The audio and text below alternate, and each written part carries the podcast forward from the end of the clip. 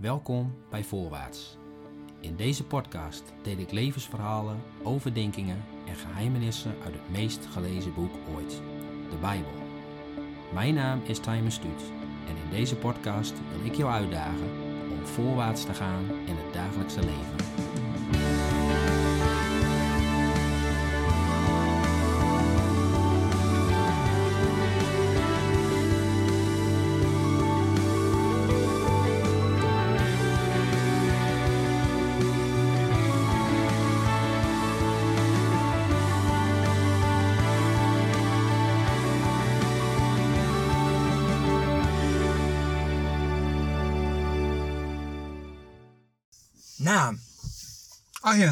Niesen, leeftijd, 40, woonplaats, Asperen. Arjen Niesen, welkom. Welkom in de auto hè, deze keer. Ja. We hadden het idee om eh, dit eh, live buiten op te nemen. Maar eh, het weer gooit roet in het eten. En ja, we hadden net even bij Van der Valk gezeten. We hadden het er nog geprobeerd binnen. Maar ja, een ruimtetje huren voor eh, 240 euro. Iets, Of, eh, ja, of een kamer boeken voor 120 euro. iets te gortig, hè? Ja, en Ja. als twee mannen een kamer te boeken, dat is, eh, dat is ook zo. wat. Dat is misschien direct ook wel wat bedenkelijk, ja. ja. Ja. Dus eh, ja, met al die ontbijtjes die ik daar al gehad heb, had ik toch wel verwacht dat die 240 eh, misschien 200 werd. Maar ehm, ja, we zitten in de auto. Deed mij een beetje denken aan bij Andy in de auto. Ja? Ja, dat ken ik niet. Ja, daar geloof ik niks van. Nee, dat, ja, dat, dat, dat ken ik wel, maar het, eh, ja. Jij kijkt het niet. Nou, niet meer. Nee, of het moet echt toevallig eh, met een voetballer zijn waar, waar ik heel, heel graag iets van wil horen, maar eh, beter van niet. Nee, nee ja, ik heb wel eens een stukje gezien. La- laatst zat er nog een andere BN'er uit, uit Asperen in de auto, hè? Oh, die, eh, die topcoach. Pieter. Pieter, de champ. Ja, volgens mij, volgens mij woont hij al heel lang niet meer in Asperen, maar ik weet wel dat hij daar, eh, dat hij daar vandaan komt. Ja, goed. Ik, ik denk dat de meeste luisteraars eh, hem ook niet zullen kennen. ja, dat is misschien ook maar beter. Maar eh, als je God wil- kent hem, God zo kent is hem. dat. Zo is dat. En als je een keer wil lachen, denk ik toch wel. Ja, dan zou je dat eens moeten opzoeken. Want zijn Engels is minstens zo goed als die van mij. hey, maar we zijn daarvoor niet hier. We gaan luisteren een beetje naar, jou, naar jouw verhaal. Hè? Hoe jij eh, ja, uit de buik van je moeder bent gekomen tot de, de volwassen man van 40 jaar die hier eh, nu naast mij zit. Ja. Hoe, eh, ja, waar staat jouw wieg? Waar begon het allemaal? Ja, ik ben officieel in het, in het ziekenhuis geboren. Dat was aan Gorken, maar ik ben echt opgegroeid in, eh, in Vuren. En dat is eigenlijk een, eh, ja, een dorpje schuin naast Asperen. Dus eh, ik woon niet zo gek veel verder van waar ik eh, getogen ben. En hoe, eh, hoe zag jullie gezin eruit? Wat, wat voor opvoeding heb jij genoten? Ja, een hele goede opvoeding. eh, gelovig opgevoed. Samen met mijn eh, broer. Mijn ouders dachten dat ze geen kinderen konden krijgen. Dus ja, ook echt al wel op wat latere leeftijd vader en moeder geworden hebben. Mijn broer geadopteerd uit Indonesië. En toen kwam ik eigenlijk ja, binnen, binnen een jaar, anderhalf jaar als verrassing erachteraan. Dus ik heb een, een bruine broer. En in het dorp stonden wij ook eh, ja, bekend als, als, eh, als Sjors en Jimmy. Zo, eh, Kijk. zo stonden we bekend. Ook om jullie streken? Nee, dat, dat, nee echt puur Je vanwege kan het alles zeggen. Hè? Ja, nee, precies. Er ja. luistert niemand verder hierna. Dus Ja. Nee, ik, ik denk dat wij allebei toch best wel braaf, eh, braaf waren. kijk, Ja. had dat ook met die opvoeding te maken? ja, misschien wel, maar ook wel graag het beste kind van de klas willen zijn of zo, denk ik. Dat, ja, ik weet niet of dat per se de opvoeding is. Oké, nou, maar dat zat er wel in. Dat Ja. wilde jij graag. Ja, dat ambieerde jij. Of graag altijd aardig worden gevonden. Of misschien ook niet, niet, niet zo durven, denk ik, om, eh, om hele spannende dingen uit te halen. Dat kan ook. Kijk, ja, daar kan een leven wel veranderen. Hè? Zo braaf ben je nu toch altijd niet meer. Nee, nee, ik, ik, ik luister soms zelfs naar Andy van der Meijden. nee. Hey, maar hoe, hoe was bij jullie eh, de sfeer eh, thuis? Wat, wat, haal, wat haal jij uit je, ja, uit je opvoeding, uit die jonge jaren? Was je daarin bijgebleven? Mm, nou, gewoon, gewoon een hele, hele goede opvoeding gehad.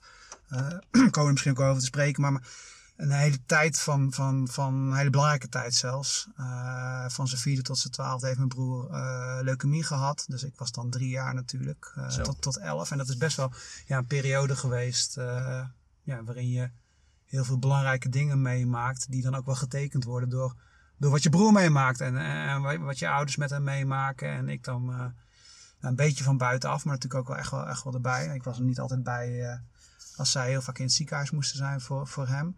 Maar toch, als ik terugdenk, dan is het ook altijd wel heel gemoedelijk geweest en, en goed geweest. Mijn moeder, uh, ik denk dat mijn moeder ons wel echt met, met het geloof heeft opgevoed uh, in, in het, uh, het Bijbel lezen en het, het bidden en het trouw naar de kerk gaan. En mijn vader, die ook trouw mee, mee, naar de kerk ging, maar die het vooral ja, praktisch, praktisch liet zien. Ook in altijd voor ons klaar te staan en dingen voor ons te maken. En eigenlijk ook altijd aanwezig te zijn. Hè. Als ik al heel jong uh, naar de voetbal ging, als hij kon, dan was hij erbij. En dan stond hij langs de lijn. En dat was natuurlijk niet bij alle kinderen zo.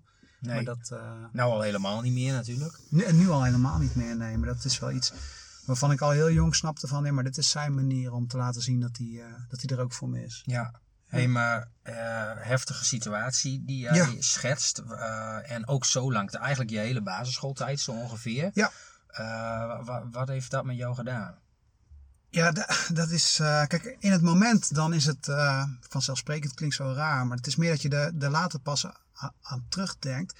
Kijk, ik denk dat ik daarin ook al wel uh, heel jong leerde um, hoe mijn ouders, en mijn moeder dus heel uitgesproken, al afhankelijk wilden zijn van God. Dus ook in die ziekte van, van mijn broer.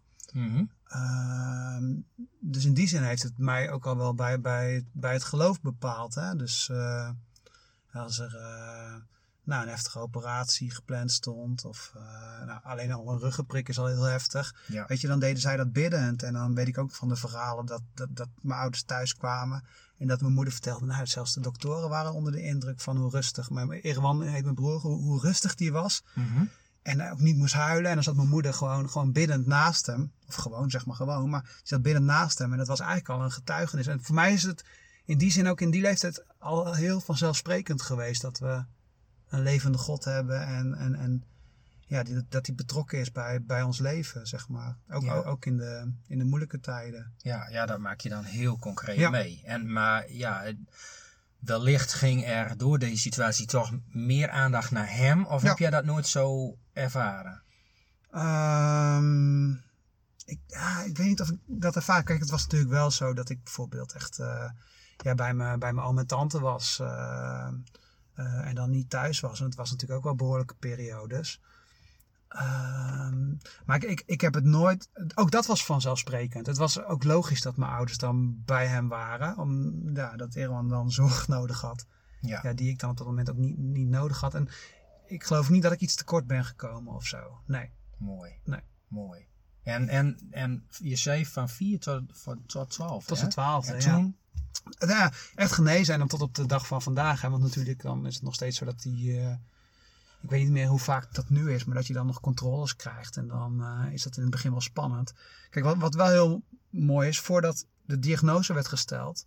ehm, heeft mijn moeder wel heel duidelijk Gods stem gehoord. Dat, dat vertelde ze ook. Van, nou, het gaat heel moeilijk worden, het gaat heel zwaar worden. Maar hij zal genezen. En daar heeft ze zich ook echt wel aan, aan vastgehouden.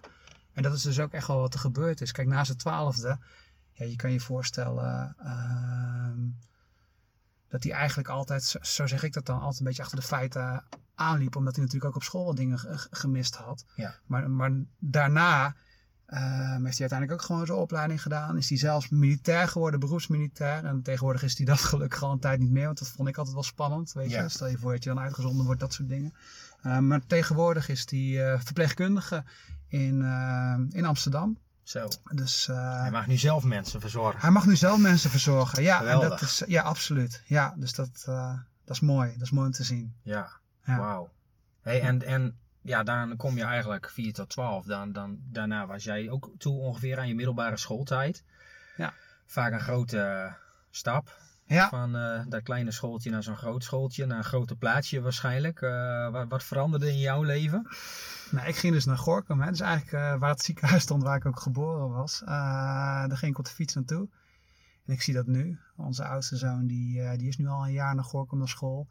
En onze middelste zoon die, ja, die gaat nu naar Ludam naar de grote school ook op, op de fiets. Maar dat was voor mij eigenlijk ja, niet anders. Ik kon wel met volgens mij twee andere jongens ook van, van groep 8 die kant op gaan.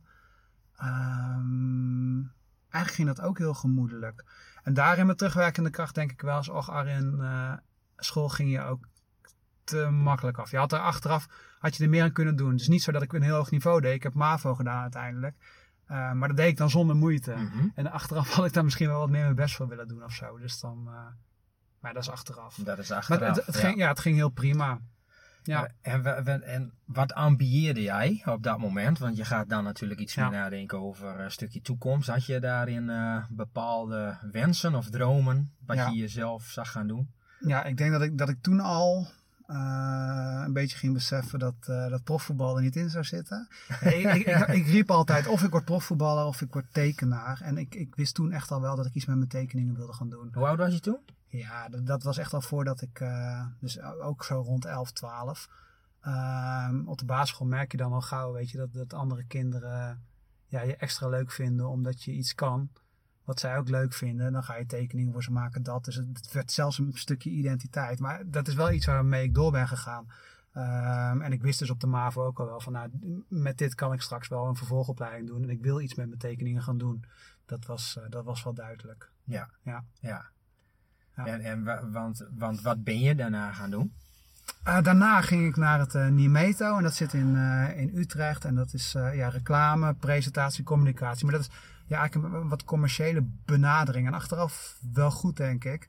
Want later ben ik ook, ook twee keer afgewezen. Ik ga meteen weer een stap verder. Maar voor de kunstacademie, wat ik toen heel verdrietig vond.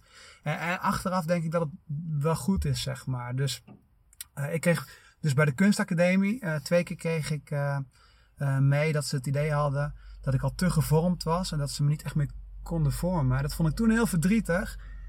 Uh, maar achteraf denk ik ook, ja, ze hebben me ook niet kunnen misvormen in die zin. Uh, dat is een mooie ja, woordspeling. Nee, ja, dus, um, dus ik, ja, ik, ik nou, een beetje commercieel opgeleid hè, om echt uh, de reclame in te gaan en, uh, en mijn creatieve ideeën, zeg maar, maar, maar daarvoor te gebruiken. Maar die ja, het voelde misschien toch als een stukje afwijzing. Ja, wat, absoluut. Wat, wat deed dat? Nou, ik heb toen, uh, zeg maar, de eerste keer dat ik afgewezen werd, toen had ik echt al verkering met, uh, met Rianne, mijn huidige vrouw. En ik heb echt wel huilend bij de, bij de rivier gestaan, bij de Waal. En daar was zij bij. En, uh, nou, niet onderin te springen toch, hè? Nee, niet onderin te springen. Omdat het gewoon, ik vind dat nog steeds, water vind ik nog steeds heel fijn om, uh, om te zijn. Eigenlijk vooral de zee, dat is de Waal dan niet. Maar dat vind ik een heerlijke plek om, uh, om te overdenken. En dus ook inderdaad een beetje verdriet te komen. Ja. Ja, dat is een mooi opwekkingslied van, ja. hè, bij de rivier. Absoluut, ja. Ja, ja, ja. ja. Doe, doe je, uh, even een zijstraatje, doe je dat nog steeds? Dat je soms ja, uh, ja, het koude water. min 10, uh, nou die is bevroren ja, natuurlijk, tien, maar... Nee, precies. dan moet je een wak slaan. Ja, je, je bent nog steeds zo gek? Ja, nee zeker. Ik weet dat, ehm, ik heb mijn zwager mogen dopen, dus eh, de broer van mijn vrouw. En uh, toen was het, uh, nou het zal geen min 10 geweest zijn, maar het was echt wel koud. Het was heel koud. Ja, ja. ja dus maar dan, gewoon uh, met, met dit verfrissende weer, ga jij gewoon nog steeds soms eventjes kopje onder in het natuurwater? Eén keer in de week. En, ja, ja. en Leefje gaat mee. Leefje van. er zijn beelden van, hè? Voor er mensen zijn beelden die van. geloven, ja, ja, kunnen ze jou gewoon. Ik weet niet of je het op moet zoeken. Vinden. Nee, ik weet niet of je dat moet willen, maar goed, dat, dat, is weer wat anders. Ja, je mag, je mag me ook geloven. ja. ja, ja, ja, maar altijd dus wel al uh, bepaalde affiniteit met, uh, met water ja. gehad. Ja, ja. ja. Hey, en dan, ja, dan word je dus afgewezen. Uh, achteraf zeg je van ja, dat is goed. Um, ja. Toch ben je in die wereld terechtgekomen. Ja, ja Gods wegen zijn ondergrondelijk. Nee, zeker. Um, ja, al, al, heel jong begonnen om ook voor, voor de plaatselijke krant, toch ook weer Gorkum. Wel, voor de plaatselijke krant te gaan tekenen. Dat was de Gorkumse Courant. En dan uh, gewoon elke week aan de hand van het, uh, ja, wat daar in het nieuws was. Uh, een grappige tekening erbij te maken. uiteindelijk ook voor de EO gaan tekenen. wat, heb je, wat heb je gedaan voor de EO? Voor de EO, dat, je had toen de tijd het kindertijdschrift Zeggers. En daar mm -hmm. maakte ik stripjes voor, maar ook ja, tekeningen bij artikelen. Dus uh, dat kon ook gelukkig op allemaal komische wijze. Maar mijn tekenstijl is ook wel, ik zeg altijd kinderachtig, maar dat, dat vind ik eigenlijk wel leuk en dat past daar ook goed bij. Dus uh, In die zin hoeft het ook niet eh, vervormd te worden. Nee. ik denk dat dat gewoon goed was. Eh, dat. Maar er is ook wel een periode geweest, dat zeg ik achteraf, dat ik ook wel voor, voor de wereld tekende. Wat de, ja, wat de wereld dan bijna van je vraagt. Want ik heb ook de karikatuur getekend voor het, eh, het roddelblad Weekend. En die, eh, die eindredacteur, die zorgde toen ook voor een, eh, voor een klus voor de Glossy. Dat zat in hetzelfde gebouw in Amsterdam. Dus daar ging ik toen ook, ook voor tekenen. Ehm, en er was dan zo'n zo, zo'n jaar, zo'n jaarding, dat het jaar in beeld. Maar daar zat dus een, een ehm, hoe heet dat? Eh, de horoscopen zat erbij. En of ik dat even wilde tekenen. En dat was echt wel een grote opdracht. Financieel. Ja, ja en een kans natuurlijk ook. Dus eh, die, die, die eindredacteur was ook echt wel eh, een man met, met, met aanzien en positie, eh, om maar zo te zeggen. Mhm. En dat is iets waar ik achteraf heel veel spijt van heb gehad. Eh, en door dat ook niet meer te doen, door daar niet, niet voor te kiezen zo'n opdracht te doen, ja, zijn er wel deuren dichtgegaan, denk ik. Maar spijt van dat je het wel gedaan hebt of dat je nee hebt gezegd. Nee, dat ik, dat ik dat eenmalig heb gedaan. Het was toen zes pagina's in dat blad. En het was gewoon heel gaaf om die tekeningen te zien. En Ja, je kan precies. het voor jezelf ook helemaal vergoeilijken van... Ja, ik geloof zelf niet in de horoscopen. Maar hey, dit gaat over eh, eh, het vinden van je liefde. En je gaat samen klussen. Dus had ik een, eh, een jongetje en een meisje getekend die aan het behangen waren bijvoorbeeld. Ik denk, ja, met die tekening is niets mis. Maar het stond natuurlijk wel ergens voor. Ja. En eh, dat heb ik toen, ik weet dat ik dat telefonisch tegen hem heb gezegd. Ja, ik kan hier niet mee doorgaan. En dat werd me niet in dank afgenomen. Nee. Ehm, maar achteraf is dat denk ik ook, ook goed geweest. Ja, Ja. goed geweest. Dus eh, ja, kijk, en ondertussen eh, zou, zou je mijn werk kunnen kennen van verschillende boeken, maar, maar echt allemaal wel in, in de christelijke wereld. Ja. Ja. Ja. ja. Wat, wat, wat, wat doe je precies? Ik, nou, ik werk eh, ook als freelancer voor uitgeverij Gideon en die hebben ook eh, mijn eigen boekjes uitgegeven. Maar het kan ook zomaar zijn dat ik eh, bijvoorbeeld een omslag ontwerp of daar een tekening bij maak. Of van, van het binnenwerk van andere schrijvers, dat ik daar iets voor getekend heb. Ja. Ja, eigenlijk te veel om op te noemen. Maar, Ja. maar loop je door de christelijke boekhandel of bestel je een christelijk boek online, dan is de kans aanwezig dat ik, dat ik daar een tekening voor heb gemaakt. Ja, en Ja. Eh, het is echt jouw passie, hè? Absoluut. Ja. Absoluut. Ja, plaatjes. Ik denk in plaatjes en dat nou, zullen misschien wel meer mensen herkennen. Eh, maar vaak heb ik het plaatje al in mijn hoofd. Ja, als ik, eh, als ik een verhaal van iemand hoor of als ik in gesprek met iemand ben, dan, dan zie ik dat gewoon voor me. Ja. ja. Ja. Hey, en eh, misschien een stapje terug, want je, eh, we gaan nu ineens eh, hup, naar, je, naar je werk. Je hebt Ja. al even zijdelings genoemd. de oudste zoon, de middelste zoon, Rianne, mijn nu vrouw. Ja. hoe, hoe is dat al wel een beetje gegaan? Ja, hoe is dat gegaan? Kijk, ik groeide op in, in Vuren. En zij in Herwijnen, dat is dan weer een dorp verderop. Het is allemaal in dezelfde gemeente. Dus ook waar we nu wonen in Asperen. Maar dat was wel een beetje, ja, ik zeg altijd als grapje de plaatselijke West Side Story. Want ja, zij was een dorp verderop. En eh, dan ook met de, de voetbal. Dan, dat zijn de wedstrijden natuurlijk tegen elkaar. Dat, eh, dat het soms wel spannend wordt. Hè? Ook met, eh, met de toeschouwers. En over en weer gebeurt er dan van alles. En dan vinden ze het ook niet per se leuk dat je met een van hun gaat. Want zo werd het dan ook echt gezegd. Ja. Dus, dus daar heb ik ook wel eens wat trappen gehad in, in, in, die wedstrijden. Maar een dorp ja, verderop, zij kwam langs fietsen met haar vriendin. En er was kermis bij ons in het dorp. En eh, ik was met eh, mijn vrienden op het voetbalveld aan het voetballen. En wat doe je dan? Dan ga je roepen. En nou ja, zo waren die meiden, die kwamen, die stopten ook gewoon echt even. En die kwamen bij ons kijken. En eh, ja, eigenlijk, eigenlijk wel gewoon op slag verliefd. Ja, hè? hoe was je toen ongeveer? Ja, kijk, de eerste keer dat we verkering kregen was zij, was zij 13 en dus veel te jong. En dat maakte ze gelukkig ook heel snel uit. Want achteraf was ik ook op, op verkeerde dingen uit. Dus daar zijn we denk ik wel voor het een en ander beschermd. Mhm. Eh, daar heb ik ook wel vergeving voor gevraagd. Want toen zij dus 15 was, twee jaar later, toen kregen we verkering. En dat is nooit meer uitgegaan. Zo. Dat, eh, Ja. Oh, je bent al Dus, eh 25. eh, Ja, Ja, nou ja, elkaar. ja, 7 juli 2007 zijn, zijn we getrouwd. Dus we zijn echt al wel een tijdje onderweg. En dan moet je de rekensom maken, dat is eh, 14... ja, maar toen ben je. Toen ben je ge... Getrouwd. Ja, precies. En daarvoor dus al Al- relatie gehad. Ja, al heel lang verkering. Zo, Ja. zo. En, en wat, voor, wat voor rol speelde het geloof daarin, zeg maar? Toen zij zo jong was, toen jij zo jong was, eh, jij zo jong was. Hoe, Ja. Ja. Kijk, het geloof wa- was er altijd. En eh, wat ik zeg in die tijd ervoor ook echt wel, wel heel dichtbij en heel vanzelfsprekend ervaren. Maar ik zeg ook altijd, het waren ook wel twee aparte werelden. Dus je had Arjen die naar, naar de voetbal ging en, en naar school. En het is niet, niet, niet dat God daar heel erg in, in betrokken werd of zo. Nee. Ehm, achteraf zelfs wel, wel hypocriet. Natuurlijk heb ik die tijd ook wel gewoon nodig gehad. Zo zie ik dat nu ook wel. Mhm. Uh, maar het was er. En in die tijd vond ik het ook heel interessant om met categorisatie en al die, al die, al die dingen. Nou, ook altijd het beste antwoord te kunnen geven. Of uh, ja, gewoon een aantal bijbelteksten te kennen en, uh, en dat te doen. Maar het, het, was bijna op een, op een soort van, van trotse manier. En die heb ik later echt wel af moeten leren. Dus ook aan het begin van de relatie met Rian, ik zei al van, nou, eigenlijk was ik ook niet per se op de goede dingen uit. Uh, God was daar al lang in, want die wist dat wij zouden trouwen. Maar ik liet hem daar nog niet echt in toe in Nee. het begin. Nee. nee. En wanneer veranderde dat? Ja, ga, ga- gaandeweg. En dan heb ik niet, niet echt per se een, eh, eh, een leeftijd voor. Want Nee, dat absoluut, nee, maar kijk, absoluut toen, toen, wij, toen wij trouwden, toen, toen was dat zeker zo. Maar dat Ja. was ook, ook de periode dat we, dat we allebei eh jeugdouderling waren in de gereformeerde kerk in, in Asperen, waar we nu dan nog steeds wonen, waar we zijn gaan wonen. Ehm, en ik leefde absoluut met God. En het, was ook, het waren ook geen twee aparte levens meer. Maar de grootste verandering, die is nou, inmiddels dan toch wel, wel, wel weer tien jaar geleden. Dat ik me ook echt heb laten dopen. Kijk, daar is het wel ehm, echt het allerbelangrijkste geworden. Terwijl dat natuurlijk al was. Maar nu betrek ik hem echt in alles. Mhm. Dus spreuken 3 vers 6, laat God delen in alles wat je doet. Dan kan hij je leven echt bepalen.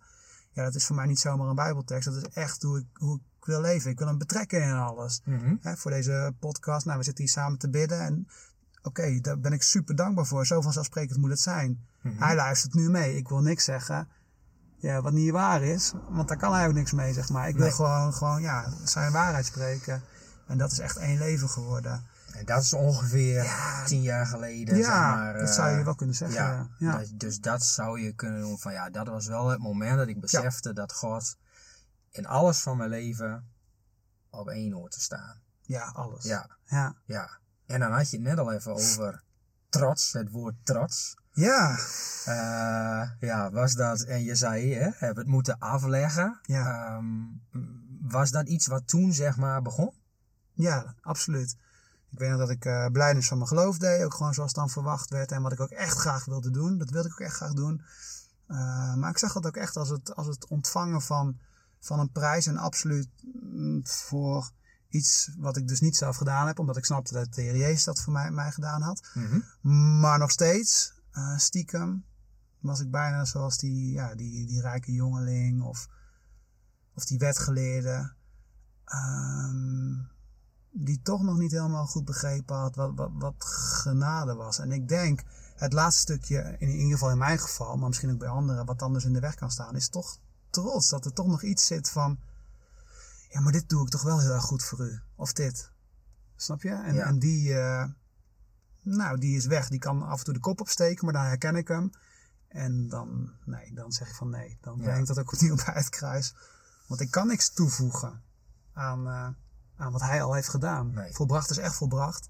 En dan moet ik niet nog zelf iets proberen te volbrengen. Nee. Maar als het er weer is, mag je het beleiden, inderdaad. Absoluut. Maar dat is natuurlijk een proces geweest. Ja. Eh Ja. Het was ongetwijfeld wel een pijnlijk proces. Of, Nou.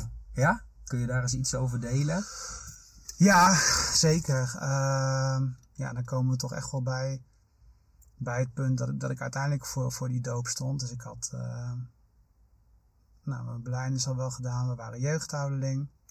Woonden in, eh, in Asperen. Joost was klein, dat is dan de oudste. Ik, nou, Levi heb ik genoemd, Febe heb ik nog niet genoemd. Die was er gewoon nog niet, Febe. Eh, dat is onze jongste dochter. Nu ook. Van nu tien. hè? Ja, nu Ja. ook tien. Ja. Ja, ehm, dus ja, echt, echt in die periode, echt vlak voordat eh, dat zij geboren werd.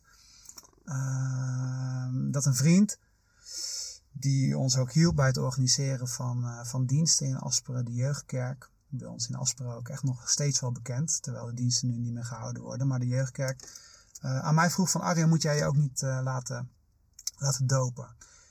En toen vroeg ik aan hem van, eh, nou ja, eh, zou je dan voor me willen bidden? En toen hebben we in mijn kantoortje, waar ik ook al mijn tekeningen maak, hebben we gebeden. Heeft hij voor mij gebeden. En dan gingen eigenlijk een paar weken voorbij. En ik stond uh, in de doe-het-zelf-zaak. Dat moet ik er altijd bij vertellen. Uh, ja, want het was ook echt wel typerend voor hoe ik erin stond. Ik doe het zelf wel zaak. En toen had ik hem aan de telefoon. En toen vroeg hij aan mij van... Arjen, uh, heeft, heeft God nog tot je gesproken? Heeft hij nog, nog iets gezegd? En toen zei ik tegen hem... Nou weet je... ik denk dat het voor mij niet nodig is. En toen was hij even stil aan de andere kant van de lijn en zei hij ja. Maar voor de Heer Jezus was het echt niet nodig. En uh, het raakt mij nu gewoon weer als ik dat zeg. Want daar besefte ik eigenlijk voor het eerst van zo, wie denk je wel niet dat je bent, Arjen? Voor de Heer Jezus was het echt niet nodig. En, en ik, zei het, ik zei het omdat, om, omdat ik, ik, ik had blijnis gedaan. En nee, weet je, voor hem was het echt niet nodig. En hij deed het. En wie denk jij dan wel niet te zijn? Denk je echt dat je het zelf kan? En nou, daar kwam die beslissing, het moment van oké, dit gaat gebeuren. Ik ben straks geen jeugdhoudeling meer. Daar wilde ik netjes mee wachten. Uh, ook gewoon uit respect naar, naar gewoon de kerk waar je bij hoort. Uh, ja, die daar toch anders over denkt. Uh, maar dan ga ik me wel laten dopen. Mm -hmm. Ja, dus daar, uh, ik, ik, brak daar in tranen uit. En ik, zo'n medewerker zag het ook. En die vroeg of alles goed was. Vond ik ook mooi. Ik zei nou, alles goed. Ja, ik dacht bij mezelf zo, er is wel iemand overleden. En dat was mijn eigen ik, mijn eigen Ja. trots. Ja, ja. Ja, ik wist, uh, voor hem was het echt niet nodig. En tuurlijk, voor mij was het wel nodig. ja, Ja, ja. En dat is uiteindelijk natuurlijk een hè, persoonlijke overtuiging. Ja. Dopen blijft een gevoelig Oh, ja. onderwerp, wat Ja. je zelf al zegt, hoe je daar in je hoofd toch eigenlijk rekening mee probeert te houden. Ik geloof Ja, dat je dit kan luisteren en dat je, dat je kan zeggen, ja, maar voor mij was dat mijn geloofsbelijdenis. Dat, dat geloof ik. Ja, Dat geloof ik. ja, Ja. ja, ja. Voor mij was het echt, no- echt nodig, omdat ik echt inzag van zo, wie denk je wel niet dat je bent? Hoe goed denk je de Bijbel te kunnen kennen, Arjen? Hoe goed denk je je werk te kunnen doen als jeugdouderling samen met je vrouw? Eh, nou ja, noem maar op, alles kan je afvinken als de perfecte christen en snap van, nee maar wacht, Jezus is de perfecte Christus. En voor hem was het echt niet nodig. En nee, het is niet goed. eh, u zou mij moeten dopen. Hè? En Johannes die zat er ook mee. Ik mag niet eens eh, ja, eh, je- je- uw schoenen vastmaken, om maar zo te zeggen. Ja. Nee, dit moet gebeuren. En ik Ja. zo, dit moet gebeuren, jongens. ja. Ja. Ja. En dan krijg je een persoonlijke Ja, overtuiging. Ja. ja. En dan ben je gehoorzaam. dan ben je gehoorzaam. Dan dan verandert alles. Ja, letterlijk. Op de, letterlijk op de dag achteraf gezien dat eh Rian en ik ook geen jeugdouderling meer waren. Dus na die vier jaar zat, we zaten aan het einde van de vier jaar van de ambt. En eh, er was een meisje die bij ons, ehm, zeg maar, het jeugdwerk ook altijd heel fijn had gevonden. En die wa- waren inmiddels met haar ouders ja, lid geworden van een evangelische gemeente. En zij ging zich laten dopen in de, in de Lingen. Dat is dan bij Asperen de rivier. En zij had gevraagd, omdat ze het jeugdwerk altijd zo gewaardeerd had, eh, of ik dan iets wilde zeggen die middag. En die ochtend nou, was letterlijk ons ambt voorbij in de kerk. Eh, en smiddags ging ik daar wat zeggen bij de lingen. Maar terwijl ik daar dus mijn woordje mocht doen en eigenlijk mocht uitleggen hoe mooi ik het vond dat, dat zij deze stap ging zetten, ervoer ik gewoon hoe hypocriet het was om niet zelf op dat moment diezelfde stap te zetten. Ik ben nu geen jeugdouderling meer. En ja, toen heb ik gevraagd of, of zij me ook wilde dopen daar. Op dat moment. En op dat moment eh, ben ik gedoopt. En Ja. een half jaar later mocht ik, eh, mocht ik Rianne ook dopen. En is er gewoon ontzettend veel, eh, ontzettend veel veranderd. Dus, Mooi. Ja, Ja. heel mooi. Wa- Wat is er, dat zal mensen misschien triggeren. Oei, er is wat veranderd. Hè? Verandering vinden mensen vaak ook spannend. Maar Ja, kun je daar eens, kun je Ja. daar eens iets van noemen? Wat, ja, wat veranderingen zijn? ja. Nou ja, de, ehm, ja, het- het kan zo vaag blijven klinken, maar het is voor mij dus echt één leven geworden. En dat is daar wel heel duidelijk gebeurd. Dus ja, alles is eh, zo met elkaar verbonden. Ehm, voor mij echt wel van, vanaf dat moment. Ehm, Maar concreet met, met een voorbeeld hoe je je dagen invult of je gebed nou, of, of ja, dat ook. Dus de dag op die manier eh, starten, de dag op die manier eindigen. En dat kan al heel vanzelfsprekend klinken voor, eh, voor heel veel mensen. Maar dat is voor mij echt, echt één leven geworden. Dus Arjen op de voetbal, eh bij wijze van spreken. En, of Arjen op zijn werk. Dat is allemaal dezelfde Arjen. Dat is het kind van God. Die zijn leven voor hem wil leven. En dat, eh, nou, dat kan dus inhouden dat ik te pas en te onpas ook met jou het erover heb. Ja. Ehm, en er is geen schaamte, want ik heb niks meer te verliezen. Die trots is wel echt afgelegd. ja, Uh, dus heel veel vrijmoedigheid. En dat, uh, ja, die, nou ja, dat, is, dat is echt wel sinds de afgelopen tien jaar, durf ik al te zeggen. Ja. ja, Ja. ja. Ja, geweldig, mooi. ja. En ook kwetsbaar. En het is zichtbaar dat je dat nog steeds eh, eh, wat doet. Maar dat is ook logisch. Want het is natuurlijk gewoon echt wel een ja, markeerpunt in je leven. En, eh, En het allerbelangrijkste, het zet alles in perspectief. Het zou zo zinloos zijn, zeg maar, zonder dat. Ja, en dan bedoel je niet zonder doop natuurlijk, denk ik. Nee. Maar zonder die verandering in, Ja. je, Ja. In je geloof en in je geloof handen en voeten geven. Nou, precies dat. Zonder, eh, zonder die overtuiging zou het zo zinloos zijn. Ja, ja, ja. De overtuiging van dat, dat hij genoeg is en dat, dat ik daar dus niks aan toe kan voegen. Hè? Als de Heer het huis niet bouwt, te vergeefs voegen zijn bouwlieden. Je kan dus echt niks toezwoegen aan het werk wat hij al gedaan heeft. En, en dat, dat kan je zo vaak gezegd worden, maar voordat je dat echt pakt. Want het houdt natuurlijk tegelijkertijd niet in dat we niet meer hoeven te werken. Maar goed, dat is weer, dat is weer Dat een heel ander verhaal. onderwerp, Ja, Ja. ja. Maar de... ehm, ehm, ja, hoe, hoe pas jij dat toe in je werk? Ja, ook, ook eh, heel, heel praktisch, maar ook ehm, eigenlijk continu erbij bepaald zijn. Ja, dus nogmaals, alles wat ik zeg, dat hij erbij is. Op een gegeven moment was er zo'n lied van een band die volgens mij nu ook hartstikke discutabel is, maar dat, dat, dat doet dan even toe. I, I don't want to talk about you like you are not in the room. En dat, dat heeft me toen ook heel geraakt van ja, inderdaad, ik, ik wil niet over hem praten alsof hij er niet bij is. Want dat is wat ik geloof. Ik geloof dat hij hierbij is. Gewoon hier bij ons in de auto. Hier, hij is hierbij. En ik wil dan niet praten op een manier alsof hij hier niet bij is. Nee. Dus ja, zet een wacht voor mijn lippen. Wees traag met spreken, snel met luisteren. En nu zeg ik heel veel, dat besef ik me ook. Maar Dat Maar is, dat dat is een besef- beetje je opdracht nu, hè? dat besef, ja. Ja, nee, absoluut. Ja, dat is nu- de opdracht, ja. Ja, ja, ja, mooi, mooi. Ja, want we hebben het natuurlijk even al over jouw eh, geweldige passie en ook jouw talent, weet ik, voor, eh, voor het eh, tekenen. Ik heb jou aangekondigd als een striptekenaar. Daar, Ja. daar doe ik je zeer mee tekort. maar ik zoek natuurlijk ook naar een titel die mensen misschien aanspreekt. Hè. Je zei Ja, ja. net zelf al even in onze ontmoeting hiervoor. Hè. Illustrator, dat klinkt natuurlijk veel mooi, maar zo heet het ook gewoon. Maar het is niet het enige wat je doet, hè? Nee, nee, en ook dat staat in, de- in teken van. Ik geloof dat, dat alles wat we doen eh, aanbidding is, maar dat is wel ook eh, ja, mijn, mijn vorm. Hè. Dus soms denk ik ook wel eens, wat jammer dat ik niet muzikaal ben. Ik ben wel kaal, dat zien de mensen niet. maar niet muzikaal, maar het, eh, ja, het tekenen, dat is wel mijn manier om te kunnen, te kunnen aanbidden. En ja, die tekening die gebruik ik dan ook op het moment bijvoorbeeld dat ik ergens mag, mag spreken. Ehm, Ja, dat daar, is daar, daar, Ja. ik een beetje naartoe. Hè. Tekenen is niet jouw enige werk. Nee. Eh, af en toe mag je spreken. Ja, ja, Ja? en dat, eh, ik denk dat dat zomaar een nog net grotere passie kan zijn. Ja, hè? Ja, Ja, ja, vind ik heel fijn om te mogen doen. Ja. ja. Maar het meeste tijd qua werk gaat eigenlijk nog naar, eh, naar iets anders. Kun je daar iets over delen? Het- Je bedoelt voor de klas staan tegenwoordig? Ja, tegenwoordig is dat. Hè? Nu Ja. sinds ja, zo'n zo, zo'n drie jaar Ehm, ja, sta ik voor de klas, voor Stichting Chris en voor Kom. En eh, ja, Luisteraars die dat niet kennen. eh, Die moeten dat vooral op gaan zoeken. Op, eh, nee, maar ehm, eh, ja, geven we weerbaarheidslessen. dus echt wel lessen over je zelfbeeld. En dan, dan moet je denken aan groep, groep 7 en 8. Maar we komen ook- op het voortgezet onderwijs. En dan geven we lessen over eh, alcohol, drugspreventie, gameverslaving.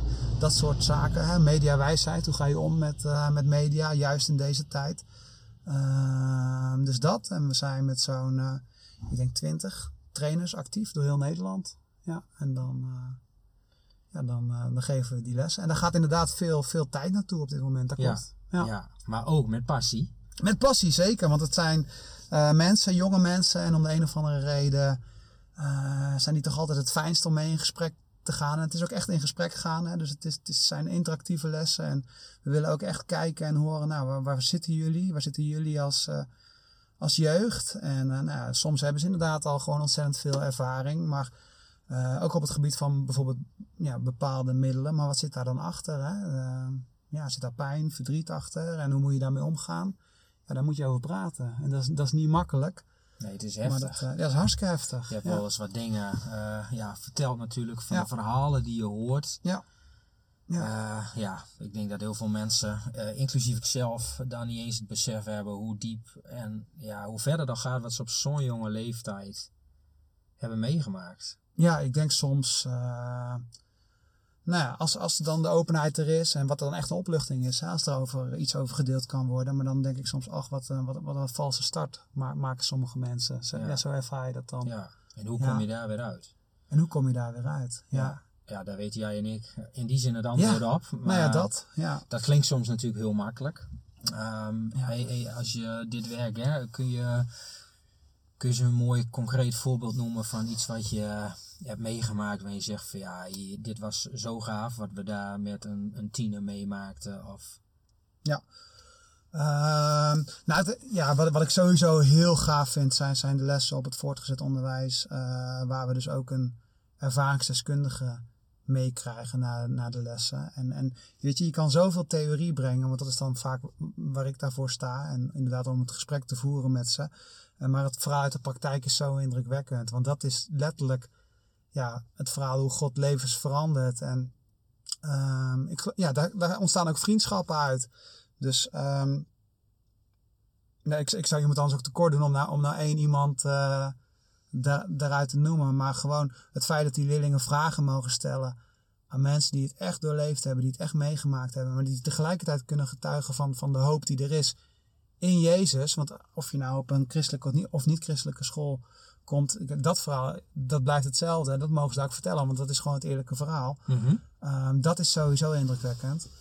Maar als ik, als ik een voorbeeld moet geven, ehm doe dat nu dan voor het derde jaar. En ik, ik heb dus nu meegemaakt dat een les voor mijn gevoel helemaal niet zo, zo lekker liep. Ehm, en er was ook geen ervaringsdeskundige, wat ik dan echt, echt wel, wel jammer vind. Was er een meisje wat ik er eigenlijk, ja, ik kon er gewoon, daar zat iets. En ik, ik wist gewoon, oké, maar jij bent wel met blowen bezig. Maar je, ja, je voelt je bijna een beetje aangevallen en je wil eigenlijk ni- niks erover delen. En dan nog los van, van de pijn die erachter zit of de reden waarom. Hè, dat het ook gewoon experimenteren kan zijn. Maar eh, los daarvan, toen was die les afgelopen en dat vond ik echt wel jammer. Toen kwam er dus een jongen naar binnen gelopen van een klas hoger, maar die had ik het jaar daarvoor gehad. En dat vond ik echt super gaaf. En die zei, hé hey, meneer! En eh, ik moet eerlijk zijn, ik wist zijn naam ook al niet eens meer. Eh, maar die zei letterlijk tegen dat meisje, want kennelijk waren zij goed bevriend.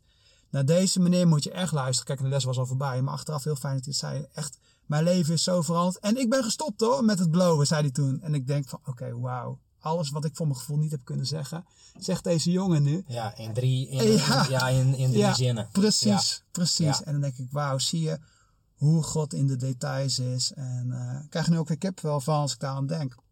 Ehm, ja, ook, ook daar wilde je gebruiken. En dus ook weer op een hele nederige manier. Dus eh, fijn dat die, nou, dat die jongen eigenlijk kon vertellen hoeveel beter het nu gaat na, na een jaar. En eh, nou ja, dat, dat meisje tegelijkertijd kan, kan bemoedigen. Of in ieder geval een stukje perspectief kan bieden. Wat mij voor mijn gevoel niet gelukt is. Nee, eh, precies. dat hele uur. Ja, Ja, geweldig. Ja. Mooi, eh, mooi verhaal. Ja, je hoort heel veel heftige, verdrietige dingen. ja. Maar dit soort verhalen zijn er ook. Hè? En, Ja. en ja, je zal ook vast wel eens het idee hebben van, hè, ja, heeft het zin hierin wat wij doen? Mhm. Maar dit helpt je denk ik ook om het vol te houden en om heel concreet te zien hoe God werkt. absoluut. Ja, en, en, Absoluut. en hoe.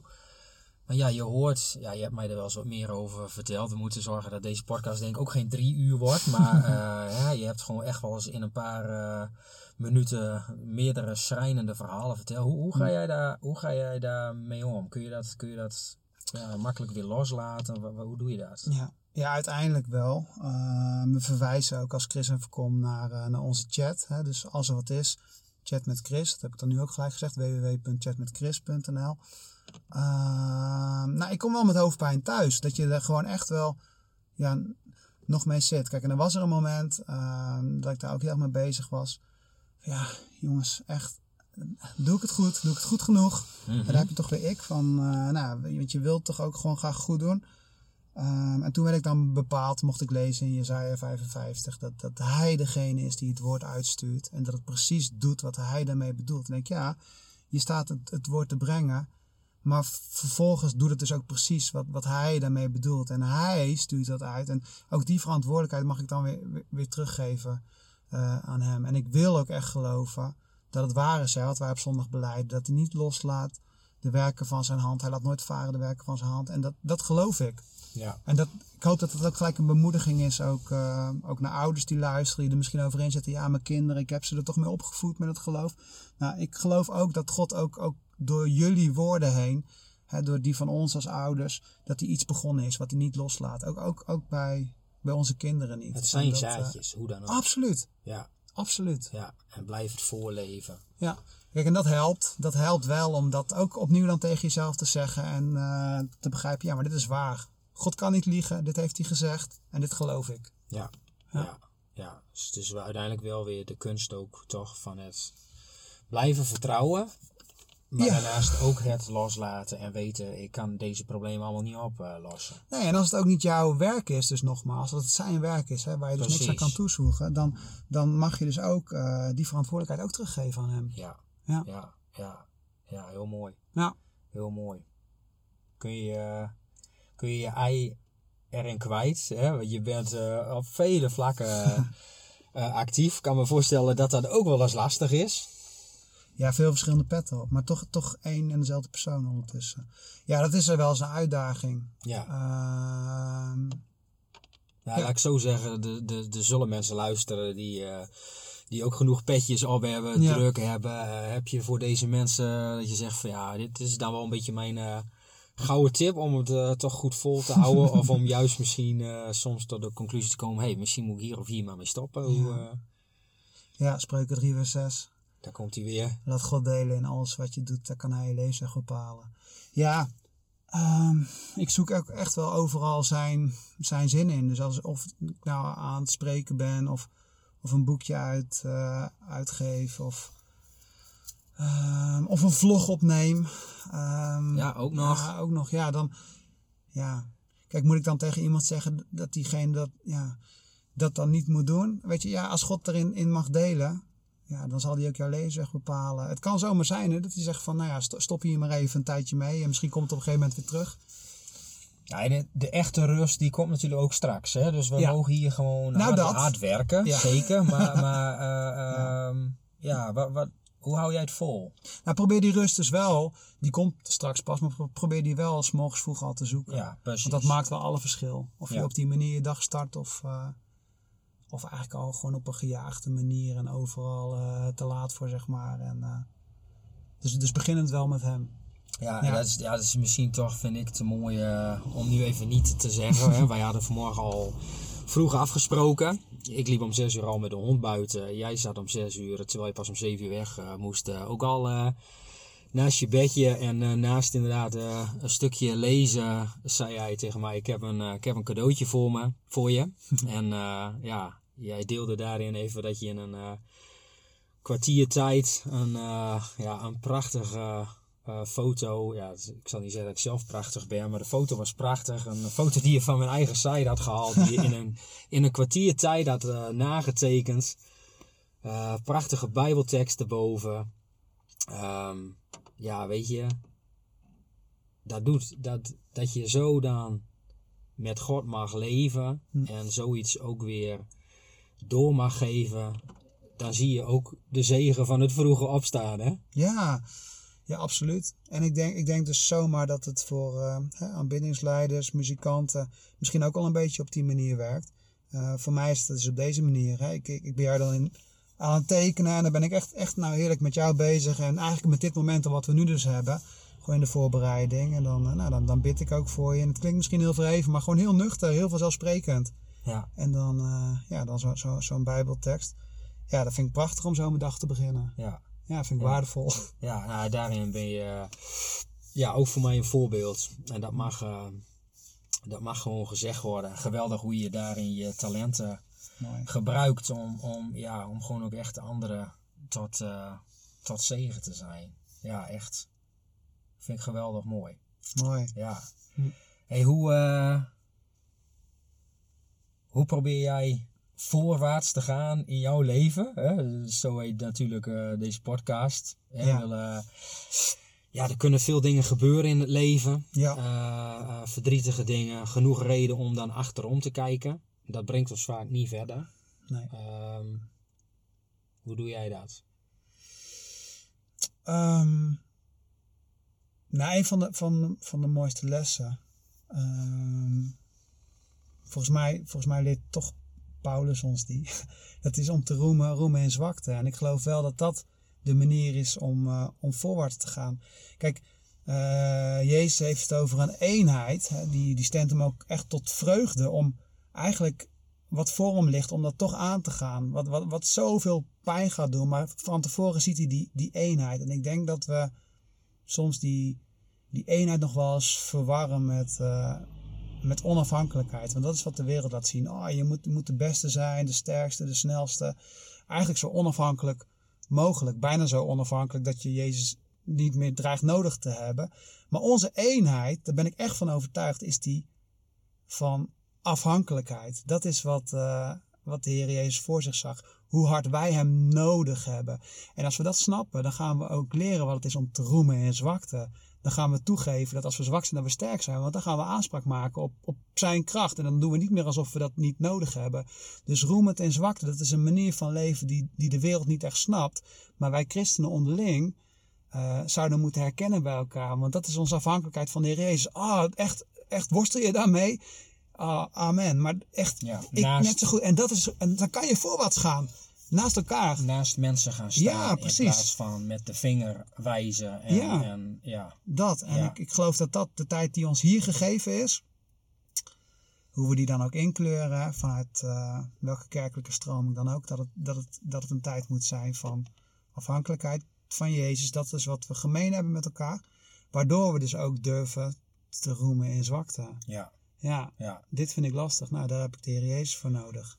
Ja, ja en, en inderdaad, in hele simpele woorden. Gewoon beseffen en ook zeggen, ik kan het Ik kan het niet, niet. zelf. En dat ik dit dus niet kan, is ook Ja. helemaal niet erg. Hm. Maar hij kan het wel. En ook Ja. door mij heen. Maar daarin mogen we dan weer naar hem Hm. toewijzen. Omdat hem daarvoor de eer toekomt. En niet onszelf. Maar goed, dat ligt altijd op de loer. Hè? Dat kleine stukje wat heel groot kan worden. Een stukje hoogmoed. Nou, dat. In, Ja. eh, bij de verloren zoon, Lucas 15, dan staat het kleine zinnetje. Ik schrijf het ook in mijn boekje Gedragen. Hij kwam tot zichzelf. En dat, dat, dat, dat gun ik iedereen. Dat je inziet, hé, hey, alles wat ik nou geprobeerd heb, alles wat ik voor mezelf heb gewild, het heeft me niet verder gebracht dan die varkensschillen. En dan, dan komt hij tot zichzelf. Ik zal teruggaan naar mijn vader waar ik het beter had. Dat terugkomen tot jezelf, dat is eigenlijk jouw, jouw zwakte, maar waar tegelijkertijd jouw afhankelijkheid zit. Ik moet terug. Ik moet terug Mhm. naar, naar, naar mijn vader. Dat gun ik iedereen. Dat besef. Volgens mij is dat waar bekering plaatsvindt. Dat je je omkeert. Ja, Dat je zegt van, oh ja, wacht eens. Laat ik eens eerlijk in de spiegel kijken. ja, Ja, ja. tot jezelf komen. Ja, mooi. Eerlijk. Hey, we, gaan nog een paar, eh, we gaan nog een paar slotvragen doen. Die, Oké. eh, die, die standaard eh, terugkomen. Misschien komen er wel eh, kleine herhalingen. Dat je denkt van ja, maar dat heb ik gewoon al genoemd. Maar eh, dit zijn een beetje eh, de laatste zeven. Mooi Bijbels getal toch? Ja, kort, korte antwoorden? Of, ja, ja, weet je, deel wat je erover wil delen. Hè? Maar ja. ehm, ja, dus zeg wat je wil zeggen. Hey, wat is het mooiste wat jij met de Heere God hebt meegemaakt? ja. Nou, dat zijn, dat zijn natuurlijk ook weer, weer meerdere dingen. Ja. Geboortes van mijn kinderen. Maar ik, ik was natuurlijk wel mee bezig. Ehm, ook vanmorgen hier naartoe.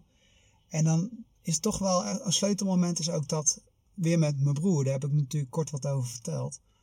Ehm, maar hoewel die in de tijd van ziekte ook best dicht bij God leefde, heeft hij toch ook een hele tijd eh, veel minder dicht bij, bij God geleefd. Hoe dat nu met hem gaat, ja, dat zouden we hem eigenlijk zelf moeten vragen. Hij woont inmiddels in Barneveld, heeft twee eh, mooie dochters, is getrouwd. Maar ehm, ik weet nog, kijk, ik had verkering, ik ging op een gegeven moment zelfs trouwen en hij woonde nog steeds thuis bij mijn ouders in Vuren. En hij was eigenlijk best wel klaar met het geloof.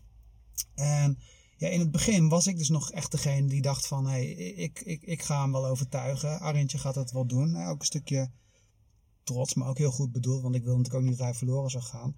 Maar je kon aan hem zien van, oh, als hij bepaalde muziek had geluisterd, dan, dan kon je gewoon zijn ogen zien, nou, dit, dit gaat, niet, gaat niet lekker.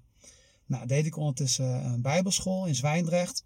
Ging we de school voor Gods Koninkrijk en dan zat je met zo'n, nou, misschien wel honderd mensen, eh, een hele ochtend, zaterdagochtend, eh, bij elkaar om het onderwijs te volgen. En dan had je heel kort eh, een momentje van soepje eten en dan na de middag nog een moment voor eh, ja, wat getuigenissen en nog wat overdenken. Ehm, en ik, ik, ik zat aan tafel met een vrouw. En van die honderd mensen, dat, dat had dus iedereen kunnen zijn in Zwijndrecht. En ik zeg, nou, wat, wat vindt u ervan? En ze vond het ook heel fijn. En toen zei ze dus, wat ik nou zo jammer vind, is dat mijn dochter, ik heb haar met het geloof opgevoed, maar ze doet er helemaal niks meer mee. En toen dacht ik van, oké, ik ga deze vrouw ga ik eens even lekker bemoedigen. Dat wat Gods hand begonnen is, dat hij dat nooit loslaat. Want ik had daar inmiddels een mooi verhaal over te vertellen. Want die broer van mij, die dus nog niet getrouwd was, geen vriendin had, die had gekozen om eh, in Almere te gaan wonen. Om dan in het weekend dichter bij Amsterdam te zijn. En dan gewoon te kunnen doen wat hij wilde doen. Gewoon lekker vrij zijn en uh, ja, die muziek te luisteren die ik al masker eng vond en, en niet fijn. Ehm, en ik weet nog dat ik toen tegen God heb gezegd van oké heer, ik kan hem niet bekeren. Ik ging dan allemaal christelijke cd's voor hem kopen, wat misschien ook wel een beetje, een beetje punkachtige muziek. Ik denk van nou dan, dat wilde ik natuurlijk allemaal niet luisteren. En toen dacht ik oké, nu gaat hij verhuizen. Heer, ik kan het echt niet meer. Alsof ik het überhaupt kon doen, dan moet u het maar doen. Hij ging al heel lang niet meer naar de kerk. En nu ging ik tegen die vrouw zeggen dat mijn broer, terwijl die in Almere was gaan wonen, Mhm. op eigen handje, houtje, eh, naar een evangelische kerk was gegaan. Met andere woorden, God laat nooit los wat zijn hand begonnen is. Waarop die vrouw zegt, en we zitten in Zwijndrecht, van die honderd mensen zit ik met die vrouw aan tafel. Hoe ziet je broer eruit dan? Nou, hij heeft een bruin kleurtje, hij komt uit Indonesië. En toen zei zij, ik weet niet hoeveel kilometer Almere van Zwijndrecht vandaan is, maar dan heb ik hem aangesproken. Want ik ga naar die kerk, zei die vrouw. Dus terwijl ik die vrouw wil bemoedigen, ja, ik merk dat ik nou ook weer emotioneel word. Maar ik wil die vrouw bemoedigen over haar dochter. Van oké, je, je hebt haar ermee opgevoed. Weet je, God laat nooit los wat zijn hand begonnen is. Word ik ook zo ontzettend bemoedigd van moet je nou eens kijken Arjen. Jij denkt die vrouw even te kunnen bemoedigen. Hè, dat jouw broer nou op eigen houtje wel naar de kerk gaat. Het was die vrouw die hem aansprak in Almere van kom eens een keer naar onze gemeente. En die vrouw die wist ook niet wat erover kwam natuurlijk. Dus ik weet niet hoe het inmiddels met haar dochter gaat. Maar ik geloof dat God dat ook niet loslaat. Ja, En hij laat het zien. God laat het zien. Dit is God. ja, Ja, en eh, ja, geweldig. ja, zo werkt dat. Ja, ja, ja. ja, dit is eh, ja, prachtige, prachtige verhalen die je zelf niet kan bedenken. Nee. Nee. En dan eh, ja, de vraag die dan eigenlijk daarna logisch komt. Het moeilijkste wat je met hem hebt meegemaakt. Ja, ik denk dat ik dat nog steeds meemaak. Want het moeilijkste is eh, ja, ook toch wel loslaten. Uit handen geven dat, eh, nou in dit geval, dat ik mijn kinderen, dat ik voor hun de keuze niet kan maken, die keuze van overgave. Dat vind ik ontzettend moeilijk. Hè, en tegelijkertijd zie ik in christelijk Nederland ook van alles gebeuren. Wat ik ook heel lastig vind. Waar ik geen invloed op heb. Maar waarvan ik ook moet beseffen dat het voor God geen verrassing is dat dit gebeurt. En dat hij daarboven staat. Maar ja, ik zie mensen ook echt doorslaan. Van de vakantie had ik ook een gesprek met, met iemand over... eh, nou ja, la- laten, we, laten we zeggen de, de, de reformatorische wereld. Kijk, ik, die, hoef je, die mensen, die broers en zussen zou ik willen zeggen... hoef je eigenlijk bijna niet uit te leggen denk wat de rol van Israël is, of wat de vrees des Heeren is. Eh, ik denk dat ze dat heel goed doorhebben. Eh, maar als je met ze praat, zullen ze soms ook zeggen: Ja, maar we komen er niet, we komen er niet. En dat is nou juist het moment van, van tot jezelf komen, waar, waar genade zeg maar in beeld komt. En dan zijn er stromingen die die genade vervolgens weer heel goedkoop hebben gemaakt en, en, en daarin doorslaan, als het ware. Ja, En dan, weet je, dat zie je natuurlijk ook allemaal gebeuren. En ehm, ik vind het heel moeilijk om dat los te laten. En tegelijkertijd moet ik me dus beseffen dat het voor God geen verrassing is. Dat hij wist dat dit allemaal zou gebeuren. Dat hij weet waar we zijn in de tijd. Weet je, hij is in de eeuwigheid. Ehm, dus hij staat er echt boven. Maar nou, dat, dat kan soms wel eens heel zwaar vallen. ja, Dat kan ik nog steeds heel moeilijk vinden. ja, ja, Ja. ja. En dat zegt ook iets over wie je bent, hoe het voor jou leeft en Ja. ook jouw hart voor mensen. Hè? Maar dat, Ja. ja. dat komt in het hele gesprek natuurlijk al terug. Je passie voor mensen, voor jeugd, voor, Mm. ja, ja, ja. Dus, Nou ja, kijk, Ja. Voor, voor de luisteraars. En dit is, eh, heer zegen ze. Maar we zien, ik weet niet of het jou opgevallen is. Jij bent natuurlijk gewoon met het gesprek bezig, moet ik ook doen. Maar we staan op die parkeerplaats. Ik, ja, hier aan de rand van het bos. Ik zie daar twee auto's staan. Die mensen hebben best wel romantisch bij elkaar gestaan. Die gaan rijden zometeen wel altijd weer in hun eigen autootje weg. Ik denk, ja, och, wat, wat zal er met die mensen aan de hand zijn, snap je? En dan heer zegen ze, weet je, wat zoeken die mensen? Ik Ja. weet het niet. En misschien zit ik er wel helemaal naast. Ja. Maar ik zie dat gebeuren en denk, ja, wat, wat, wat doen jullie hier om deze tijd aan de rand van het bos in twee aparte auto's? Wat voor verhaal zit erachter? Ja, ja. Ja, maar zegen ze, ja. ja, zo is dat. Toch? Oh, Ja. ik had het inderdaad niet gezien, maar dat Nee. komt door de... eh, Ja, ik, ik let iets meer op jou doordat ik die kant op kijk. Ja. En Een vrouw dat- in de Volkswagen Polo en een man in de Citroën CE. Hoe moeten we de nummerborden er nog mee doorgeven? Nee, hè? dat laten we niet doen. Hè? Nee, dat doen we niet. Hey, eh, een vraag die, ja, misschien doet het voor jou denken aan het mooiste, maar ik, ik- ja, ik heb hem toch voor mezelf opgeschreven. Op welk moment was jij het meest onder de indruk van de Heere God? Was er een keer een moment dat je dacht van ja, dat, dat raakte je? Ja. Ja, absoluut. En nou is het bijna alsof ik alleen maar van dit soort dingen me, meemaak. Maar echt, ze zijn op één hand te tellen. Eh, maar dat was eigenlijk nou, toen, toen, toen Febe 1 was. Dus eh, onze, onze lieve dochter. Ehm, toen ging haar, haar rechter oortje ging, ging, ging afstaan. En achteraf bleek dat ze een ontstoken rotspeen had. Dus dat zit, zit achter je oortje. En dat is eigenlijk een voorstadium van eh hersenvliesontsteking. Wat natuurlijk super, super heftig is. Mhm. Eh, nou, via, via omweg via de huisarts, die eerst niet terugbelde en later toch wel. Ook allemaal heel wonderlijk in het ziekenhuis terechtgekomen. Ehm, maar daar sliep ze dus ook die nacht samen met mijn vrouw Rianne. En onze zoontjes, die waren in vuren bij mijn ouders. En zo vond ik mezelf die, die, die avond, eh, dat zij ja, geopereerd werd en geholpen moest worden in ieder geval. Ehm, ze werd niet geopereerd, maar antibiotica. Eh, thuis, alleen thuis. En die avond, je kan het opzoeken, moest Ajax voetballen tegen, tegen AC Milan. Ehm, en ja, ik, die wedstrijd wel soort van gekeken. Ehm, maar ik was vooral ook in gebed bezig met, oh heer, oh, ja, alstublieft, laat het, laat het goed komen. Met Febe. Het is zo spannend allemaal en dan, dan ben je daar in je eentje. En in één keer ging ik bidden voor, eh, voor David, een jongen die ik niet kende. Maar ik, ik vertel toch, zeg maar, de situatie van, van Febe, omdat het dus zo niet logisch is dat ik voor David ga bidden. Maar David, een paar weken eerder, had een vriend, Johan, had, had over hem gesproken. Het is zijn broertje. En die was nogal bezig met, eh, met, Ajax, volgens mij ook een stadionverbod. Ik weet niet of ik dit allemaal mag zeggen, maar die ging dan wel eens op, eh, op de naam van iemand anders eh, naar binnen. Maar Ajax voetbalde in Milaan. En ik was in één keer aan het bidden voor, voor die David. De volgende ochtend las ik op teletext dat er een jongen in Milaan, een Ajax-supporter, was neergestoken. En ik heb toen gelijk Johan gebeld. Ik zeg, ja, het klinkt heel raar, maar ehm, is je broertje eh, neergestoken? Hij zei, ja, klopt. Echt maar zo, zo wonderlijk. En nou, in ieder geval, hij heeft daar nog in het ziekenhuis gelegen. En achteraf snapte ik van, wauw, dit kon ik ook niet zelf bedenken. Maar kennelijk vond God het fijn dat er voor David gebeden werd. En dat heb ik gedaan. En ik weet niet als David dit terug hoort, maar ehm, helemaal niet omdat ik het heb gedaan, maar, maar God wil je er dan toch bij bepalen. Hoe wonderlijk is dit? Dit had ik ook niet zelf kunnen bedenken. En toen was ik echt onder de indruk van, wauw, wat ben ik klein. Want laten we dat niet verkeerd begrijpen. Ik voelde me echt klein.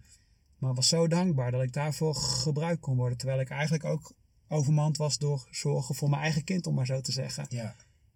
En eh, ja, dat is nu echt alweer uh, ja, negen jaar geleden. Maar uh, ik weet eigenlijk niet eens meer of Ajax gewonnen had van AC Milan. ja, dat is maar bijzaak. Bijzaak, bijzaak? Bijzaak. Ja, ja, voordat we opnamen om even te testen of het geluid is, je Ajax wordt kampioen, hè? Ja, en daar heb je ook wel groot geloof voor nodig, toch? Ja, ja, ja, ja. Ja. Ja, ja, maar daar heb jij, daar weten ze nu inmiddels alles van, hè? Dus, ja. eh, ja, maar ik, ik, ben, dus- ik ben dus niet, uh, voor zover dat nu duidelijk was, ik ben, ik ben dus niet van het uh, proclameren in de zin van je eigen zin krijgen. Nee, nee, nee, ja, heel goed. Nee, nee. Heel goed. Ja. Hey, um, vraagje 4. Ja. Wie uit de Bijbel, Ja. en je mag niet de Heer Jezus noemen, Nee. zou jij graag willen ontmoeten? Moet ik dan stiekem Melchizedek zeggen? Dan heb ik toch de Heer Jezus. Nee, dat is, nee, nee, nee. Um, nou ja, de, uh, tijdens het ontbijt hadden we het ook over Petrus, maar die zal ik dan ook maar niet noemen. Ik denk dat heel veel christenen zich, zich herkennen in hem. Ik ook echt wel. Maar dan kies ik voor Martha, Martha. Ja, je hebt natuurlijk Martha en Maria. En Martha, Martha altijd in de weer. Ja, kies het beste deel. Luister naar de Heer. Wat Maria natuurlijk deed. Hè? Dus Martha is zo bezig terwijl Jezus daar is. En als Jezus daar is, nogmaals, dan kan je zo druk bezig zijn in je keukentje. Of toch nog even stofzuigen of nog even dit. En zelfs tegen de Heer zeggen, Heer zegt er wat van. Mijn zus zit alleen maar aan uw voeten. Maar dat is wel de beste plek. Dus ja, omdat uh, ik mezelf er ook in, in herken. En ik wil zoals uh, Maria zijn. En ik geloof ook dat ik steeds meer als Maria mag worden. Hè, dat is een proces. Maar uh, ja, Martha van, van Bethanië, de zusters van, van Lazarus die die opwekt uit, uit de dood, dat geloof ik ook. Ja, dan kies ik voor Martha. Ja, ja, omdat je je dus jezelf ook wel ja, kan identificeren. Ja, tuurlijk. En dat, dat, dat zou ook de reden zijn om voor Petrus te kiezen, want dat kan ik natuurlijk ook. Daar kun je ook mee, ja, wij allemaal. Hè? Ja, daar verbaas ik me wel eens over dat wij uh, daar nog wel eens onze mond vol van hebben. Maar wij zouden hem allemaal, ja, wij zouden hem allemaal verlogen hebben. Ja. Ik geloof echt dat Petrus uh, gewoon zijn lesje moest leren zoals wij het allemaal moeten leren. Dat het grote wonder, kijk daar kunnen we ook over preken. Je moet uitstappen, stap uit die boot, stap uit, stap uit. En die preken zijn fantastisch. Maar ik geloof echt dat, dat, dat het grote wonder is dat Jezus aan boord kwam. Jezus kwam aan boord en die boot is in één keer aan de overkant. Hij koos ervoor om in hetzelfde schuitje te komen als waar wij in zaten. Ja. Ja, en dan leggen ze aan in Genesaret. Ik weet niet of ik dat goed uitspreek. Dat weet jij beter, want jij bent... Voor mij uh, klopt dat aardig. Ja, maar dat betekent paradijselijke tuin. hey, en dan zijn we weer op de plek waar het allemaal begonnen is. Ja. Dus Jezus is aan boord en die brengt ons aan de overkant. En daar zijn we naartoe onderweg, naar die overkant. Daar werd iedereen genezen. Bam. En dat, dat is het grote wonder. Kijk, Petrus moest leren dat hij het niet kon. Zoals we het allemaal moeten leren. We kunnen het niet. Wij ja. kunnen het niet zelf. We hebben zijn genade nodig. Wauw. Bedankt voor deze mini-pre. Ja, alsjeblieft. ja. ja. welk, welk bijbelverhaal of, of bijbelgedeelte ja. vind jij nou het meest confronterend? Ja, confronterend. Uh, ik denk toch, uh, dan zit je weer met die werken. Hebben wij niet dit in uw naam gedaan en dat in uw naam gedaan? Ga weg van mij, ik heb je nooit gekend. Wat zei je zeven? Dat vind ik heel confronterend. Ja. Ja, wat zegt hij tegen gelovigen? Tegen gelovigen. Ik heb je nooit gekend. En, en volgens mij kom je dan ook weer bij, bij het roemen in zwakte uit. Weet je, je laten kennen. We zeggen zo snel van, oh, laat je niet kennen. Um, maar daar komt het op aan. Nee, je moet je wel laten kennen. Mm -hmm. Weet je, ja. je moet je wel laten kennen. Dus laten ja, zien. Wat, wat raakt jou hier? Wat vind je dan het meest confronterend hier? Nou, dat we zoveel uh, mensen kwijt zullen raken die echt wel gedacht hebben hetzelfde te kunnen doen. Want dit heb ik in uw naam gedaan. Nee, dat heb jij niet gedaan. Ja. Dat heb jij niet gedaan. Ook weer het, uh, het boekje. Echt een aanrader is. Je mag het zo van me hebben hoor. Gedragen. Heb je het gelezen? nee. ja. Uh, nee, nee, nee, sorry. Komt op tijd. Komt sorry. op tijd. Ja, ja, sorry. Um, ah, zie, dat is toch die commerciële kant van mij. nee, maar ik geef ook het voorbeeld van, stel je nou voor, en daar hebben we toch weer het voetbal, dat, dat Ajax ooit nog een keer de Champions League wint. Um, dan zou je kunnen zeggen dat die spelers uh, in de geest van Johan Cruijff hebben gespeeld. Dat ze heel goed hebben gelezen over, hey, hoe zou Johan Cruijff dit doen, welke tactiek, noem maar op. Uh, maar dan nog, als ze die prijs winnen, hebben ze dat zelf gedaan. Dat zijn hun werken, want Johan Cruijff is, is, is dood. Dus dan hebben ze dat heel goed opgevolgd, maar het is hun werk. Kijk, Efeze 2 zegt dat we een nieuwe schepping zijn om de goede werken te doen die hij van tevoren voorbereid heeft. Mm -hmm. Als we nu zijn werk doen, dan zou je kunnen zeggen dat hebben we in zijn geest gedaan. Maar hij leeft. Mm -hmm. Dus dan is het zijn werk. Amen. Ja. Ja, het is zijn, dat is zijn werk. Dus heb ik niet dit in uw naam gedaan? Nee, dat heb jij niet nee. gedaan. En al was het nog zo goed, weet je, dan heb je daar niks meer toegevoegd. Maar zijn werk, nee. ja, dan laat je jezelf kennen. En dat is roemen in zwakte. Ik kan het niet. Nou, dan kan de Heer het door je heen doen. En dat zijn de werken waar de wereld naar, uh, naar ja. verlangt en smacht. En die de wereld zo hard nodig heeft. Die werken. Het, ja, ja, ja. Die werken. Wat zou het er dan allemaal anders uitzien? Ja, nu en, al. ja en zo zal het eruit zien. Ja. En dat, daar wil ik aan vasthouden. Daar wij, wil ik aan vasthouden. Als wij toch als, als gelovigen, overtuigd christen of hmm. gelovigen die naar een kerk gaan, als je toch, als die allemaal zouden beseffen inderdaad dat je hier niet voor jezelf bent en dat Tja. we al onze eigen ikjes aan de kant zouden zetten, wat zou de wereld er dan anders uitzien? Ja. Ja. Nou, Ja. Dat, ja, dat is het. Ja. Ja. We zijn er bijna doorheen. Mhm. Je hebt natuurlijk al uh, een paar dingen genoemd die er echt voor jou uitspreken. Dus misschien moet je dan toch nu nog een andere les bedenken. Want dit is je kans. Uh, wat, is, wat is voor jou de belangrijkste les die jij in de Bijbel hebt geleerd? Die jij, uh, die jij eruit haalt? Ja. Ja, dus dan mag ik niet nog een keer met, uh, met roemen en zwakte komen. hè. Nee, ja, we Nee. kunnen ook zeggen van ja, maar dat is het gewoon. Nou ja, ik geloof wel dat daar echt, echt het eh, verschil wordt gemaakt. Er was een keer eh, een dominee en die, die zei van als daar op de hoek van de straat nu een ongeluk gebeurt en dan ga je de politie bellen en zeg je ik wil getuigen, ik wil getuigen. Dan zegt de politie oké, maar, maar was je erbij? En dan moet je zeggen nee, want ik zat in de auto een podcast op te nemen met Tijmen. En dan zegt de politie ja, maar dan heb ik niks aan je getuigenis. En dat, dat is wel het verhaal. Je kan alleen getuigen van het ongeluk waar je zelf bij was. Getuig daar maar van. Roemend in zwakte. Hè, hoe jij een mes was. Hè? God saved a wretch like me. Amazing grace that saved a wretch like me. Een wrak als ik. Ehm, daar kan je van getuigen. En dat, dat, dat, dat is het. Mhm. Dan kan je op hem wijzen. Dat is roemen in zwakte. Dat is misschien niet makkelijk. Maar is het enige wat je moet doen. Daar kan je van getuigen. Ehm, dus ja, ik denk dat dat toch mijn... eh, sowieso mijn tip om voorwaarts te gaan. Maar ja, roemend in zwakte. Ja, maar dat is eigenlijk de laatste vraag inderdaad. Waar, waar, waarmee wil jij Ja, de sorry. luisteraar tot slot bemoedigen Ja, om voorwaarts te gaan? Als dat het is, is dat het hè?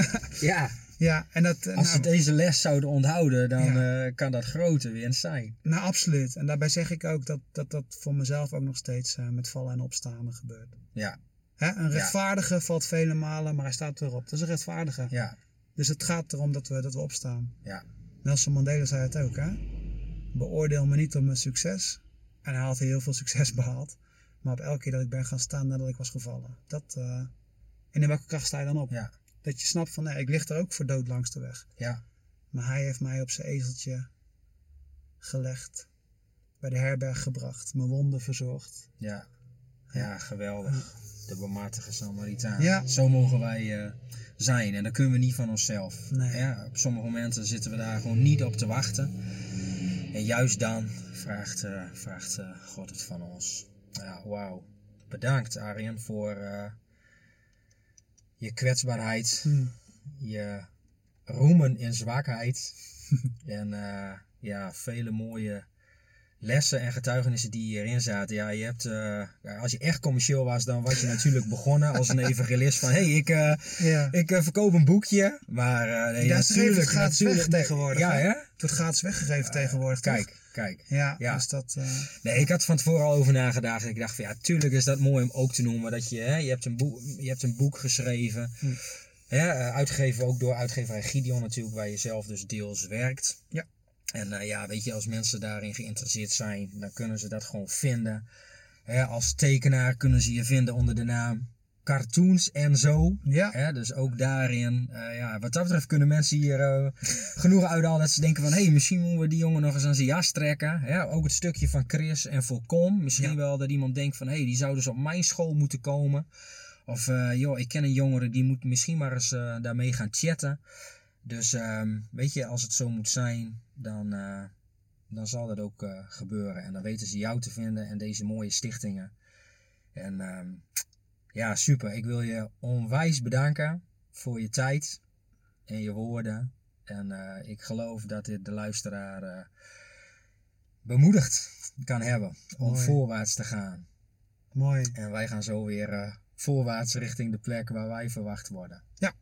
Mooi. Mocht je nog vragen hebben of opmerkingen, ehm, laat het weten. Je vindt eh, mijn contactgegevens hieronder. Als je graag in contact komt met Arjen, kun je mij uiteraard ook contacten. Daar eh, sta je volgens mij altijd voor open. Dus ehm, ik zie iemand eh, knikken. Ja. Dus ehm, ja, dus schroom niet om contact op te nemen. En ja, dit zal de laatste podcast zijn voor mijn vakantie. Maar eh, over een tijdje dan eh, komen we weer in de lucht. Bedankt voor het luisteren. En ehm, ja, vergeet het niet eh, te delen als je wil met mensen om je heen. Of op de social media. Want hoe meer mensen we bereiken met dit soort kwetsbare, inspirerende, krachtige verhalen. Dat is denk ik wel een mooie samenvatting. Ja, hoe beter. En eh, als daar weer één iemand door eh, geraakt wordt of geïnspireerd wordt of tot geloof komt, dan is het feest. Bedankt voor het luisteren. Arjan, nogmaals bedankt. Tot de volgende voorwaarts.